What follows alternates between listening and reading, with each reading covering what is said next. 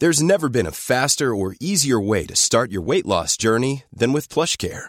PlushCare accepts most insurance plans and gives you online access to board-certified physicians who can prescribe FDA-approved weight loss medications like Wigovi and Zepbound for those who qualify. Take charge of your health and speak with a board-certified physician about a weight loss plan that's right for you.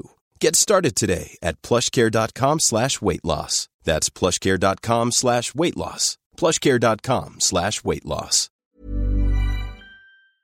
Okay, what's the number one reason you should try Instacart? Shopping over 1.5 million unique products from over 1,000 retailers and get everything delivered right to your door in as fast as one hour, all in one app. So you can spend more time with the ones who matter most. Visit instacart.com to get free delivery on your first three orders. Offer valid for a limited time. $10 minimum per order. Additional terms apply. Tony Media. Het is oorlog in Europa. Gaan we allemaal dood in een kernoorlog? Nee, ik denk het niet. Gaat deze oorlog de wereld veranderen? Dat weet ik zeker. Met deze podcast probeer ik grip te krijgen op de oorlog. Elke dag houd ik je hier op de hoogte van de situatie in Oekraïne en Rusland. En dit gebeurde er op dag 49 van de oorlog. Uh, de dag dat Zweden bekend maakte dat het land in juni zijn lidmaatschap voor de NAVO aan gaat vragen. Iets wat Zweden zonder deze oorlog nooit had gedaan. Eigenlijk zou je kunnen zeggen dat dankzij Poetin de NAVO nu wordt uitgebreid. Verder uh, groot nieuws. De pro-Russische oligarch Viktor Medvedchuk is gisteravond gearresteerd door de Oekraïnse geheime dienst. Hij was al vermist sinds het begin van de oorlog. Hij heeft hechte banden met Poetin. Poetin is ook de peetvader van de dochter van Medvedchuk. Ik heb de rol van Medvedchuk trouwens uitgebreid als behandeld. Uh, dat kan je terugluisteren op dag 28 van mijn podcast. Maar kort gezegd was hij de afgelopen jaren een beetje de hoop van Poetin om Zelensky van zijn troon te stoten. Vorig jaar werd hij al opgepakt vanwege hoogverraad. En hij kan nu 15 jaar in de gevangenis terechtkomen. Op de foto van de arrestatie uh, is hij te zien in een Oekraïns legeruniform. Misschien hoopte hij op deze manier niet zo op te vallen. Um, in de dagelijkse videoboodschap suggereerde president Zelensky dat hij misschien wel van plan is om Medvedchuk in te gaan ruilen voor Oekraïnse krijgsgevangenen. Maar voor die tijd zal hij eerst vast uitgebreid worden verhoord. Het gerucht gaat dat Medvedchuk een van Poetins portemonnees is. En met een portemonnee bedoelen uh, Russen iemand waar je geld stalt. Daar heeft Poetin een aantal mensen voor. Uh, zoals bijvoorbeeld de cellist Sergei Roldugin.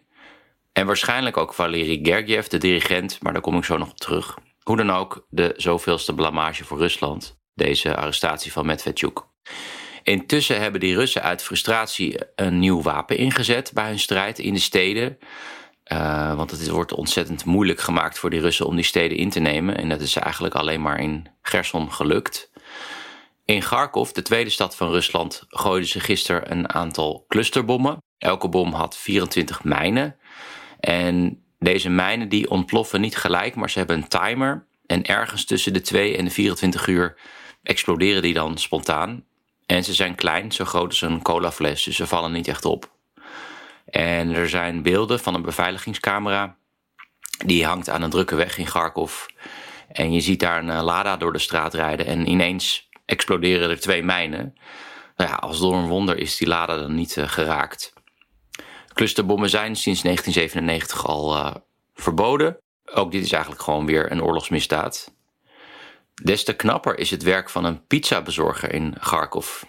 Dit verzin je niet, maar midden in deze oorlog met vallende bommen is er nog steeds een bezorger die zijn werk doet. Ik heb een uh, link naar een video in de show notes gezet. Het is wel in het Russisch trouwens. Ja, hij blijft gewoon zijn werk doen om uh, de hulpdiensten en het ziekenhuispersoneel te helpen. Mensen die vaak overwerken en geen tijd hebben om te koken. En wat ik ook mooi vind is dat er vaak dat het juist vaak vreemden zijn, soms zelfs mensen in het buitenland die die pizza's bestellen voor dit soort mensen, bijvoorbeeld de brandweer.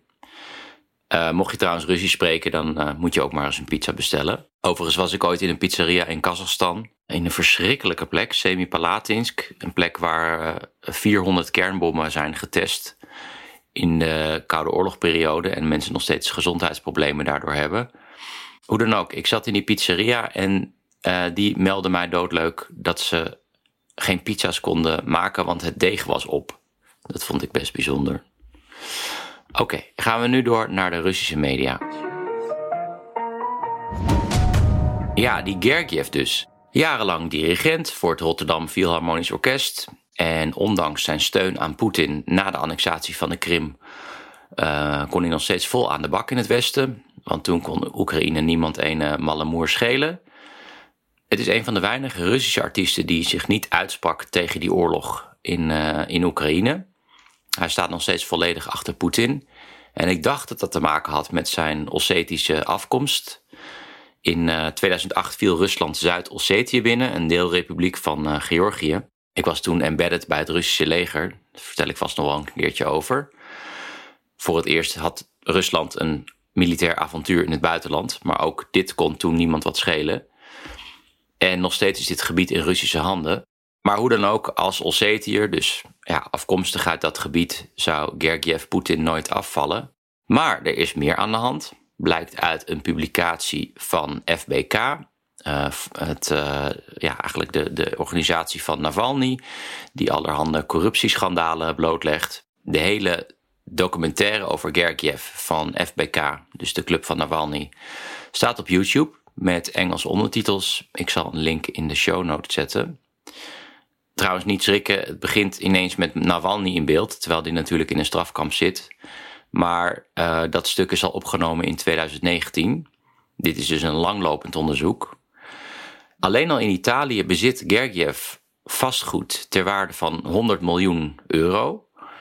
En de constructie die daarvoor is gebruikt is dat er, een, er bestaat een fonds, uh, volgens mij ook genoemd naar Gergiev, voor jong muzikaal talent in Rusland.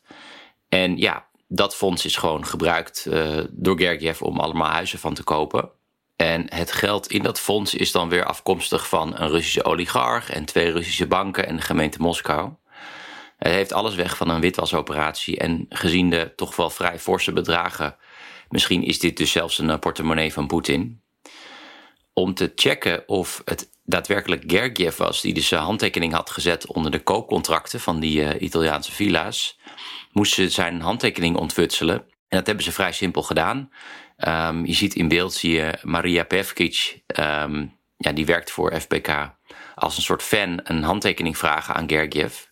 Nou, zo gepiept. Voor Nederland trouwens relevant. Gergiev is ook Nederlands staatsburger. Werd daar genoemd in de documentaire. Dat wist ik eigenlijk helemaal niet. Hoe dan ook, um, goed onderzoek en nog een plek natuurlijk om uh, te goede te gaan bevriezen. Verder zag ik een item van de lokale tv in Moermansk. Eigenlijk komen in dat item alle problemen van Rusland samen. Het gaat over een man die woont in Moermansk, een stad boven de Poolcirkel. En hij woont in de armste buurt van de stad. En zijn straat heet ook nog eens Festivalstraat, om het nog erger te maken. Hij woont in een uh, flat zonder wc. De bewoners van die flat doen hun behoeften in een soort van gat onder de flat. En die man die viel in dat gat. Nou, op zich is dat allemaal al erg genoeg. Maar vervolgens hoort een buurman hem roepen om hulp vanuit dat gat. Maar die buurman die weet niet wie hij dan moet bellen, wat hij moet doen. Dus hij doet dan verder niks. Vervolgens de man in dat gat die gaat dood aan bevriezing op dus ja, een berg van bevroren drollen. En ja, het is fascinerend dat iemand gewoon besluit om maar helemaal niks te doen. Daar viel iedereen ook over op die, in die kanalen over de apathie van die buurman. Maar dat is momenteel ook eigenlijk de kern van het probleem in Rusland. Waardoor ik ook denk dat sancties maar een beperkt effect zullen hebben. Omdat mensen zelfs te apathisch zijn om de brandweer te bellen uh, als er iemand in een wc is gevallen. En het is natuurlijk ook idioot dat dit land met zoveel rijkdommen straten heeft die niet aangesloten zijn op de riolering. Terwijl de elite dus eindeloos jachten en villa's koopt in Londen en aan het Como meer. Oké, en dan nog dit. Poetin is er alles aan gelegen om die oorlog zo snel mogelijk te laten verlopen. Legde ik gisteren al uit. En dat maakt de kans op de inzet van non-conventionele wapens groter. Um, ik had het eerder al over die clusterbommen, die verschrikkelijke clusterbommen. En nu zijn er tekenen dat er ook chemische wapens worden ingezet door Rusland. In een videoboodschap hield president Zelensky daar in ieder geval serieus rekening mee. Ik zeg dit voorzichtig, het is nog absoluut niet zeker. Maar vanwege de ernst van uh, de inzet van chemische wapens wil ik daar toch even bij stilstaan. Er gaan berichten dat deze wapens zijn ingezet in Mariupol, uh, de stad die bijna is ingenomen door de Russen. En het laatste bastion van die Oekraïners is de staalfabriek van Mariupol. En die staalfabriek speelde trouwens ook een beslissende rol in 2014, toen de stad bijna was ingenomen door pro-Russische rebellen. En toen hebben de 27.000 staalarbeiders de kant van de Oekraïners gekozen. En nu speelt die fabriek weer een beslissende rol. Onder die fabriek zit namelijk een groot ondergronds complex. Ja, het is eigenlijk bijna niet in te nemen door de Russen. En gisteren meldden Oekraïense militairen dat Russen iets uit de lucht hadden gegooid. En nadat het was gebeurd, konden ze moeilijk ademen, hadden ze last van duizeligheid. En andere klachten die ja, duiden op uh, chemische wapens. Tegelijk zag je op het Russische eerste kanaal uh, Eduard Basurin aan het woord. Hij is het hoofd van de zelfverklaarde Republiek Donetsk.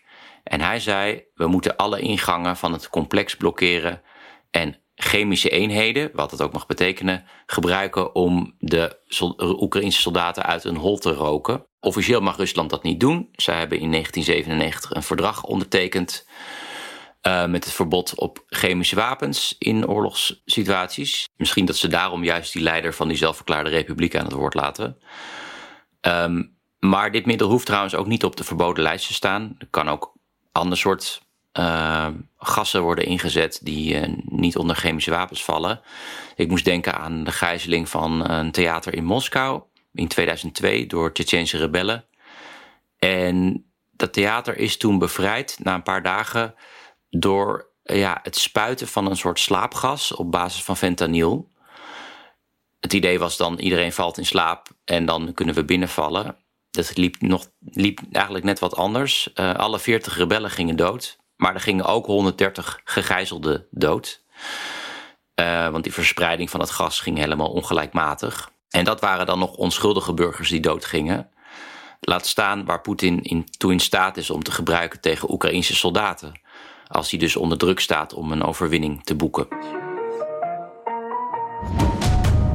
Ik heb nog twee praktische zaken. Er is een nieuwe voorstelling bijgekomen van mijn theatercolleges over de oorlog, Rusland en Oekraïne. Ik sta nu ook op 4 mei in de Goudse Schouwburg. Dat begint om 9 uur s avonds, na de dodenherdenking dus, in het kader van Theater na de Dam. Uh, de hele speellijst vind je in de show notes. En nog even over die show notes. Sommige mensen vinden het moeilijk om die te vinden. Ja, het hangt er even vanaf welke app je gebruikt. Maar over het algemeen, als je klikt op meer bekijken. En dat staat dan bij de info over de aflevering. Dan zie je een, knopje meer bekijken. Als je daarop klikt, dan kom je terecht bij de show notes. Mocht je de afgelopen weken hebben geluisterd en denken: dat was wel wat waard. Dan kan je altijd een donatie doen. Dat kan op de site petje.af VDBV. Dus dat is de afkorting van voordat de bom valt. Dus petje.af vdbv. De link staat ook in de show notes. Alvast bedankt natuurlijk. Oké, okay, dat was het voor nu en tot morgen.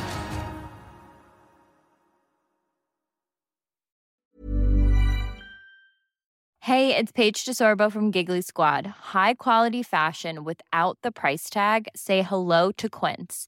I'm snagging high-end essentials like cozy cashmere sweaters, sleek leather jackets, fine jewelry, and so much more. With Quince being 50 to 80% less than similar brands.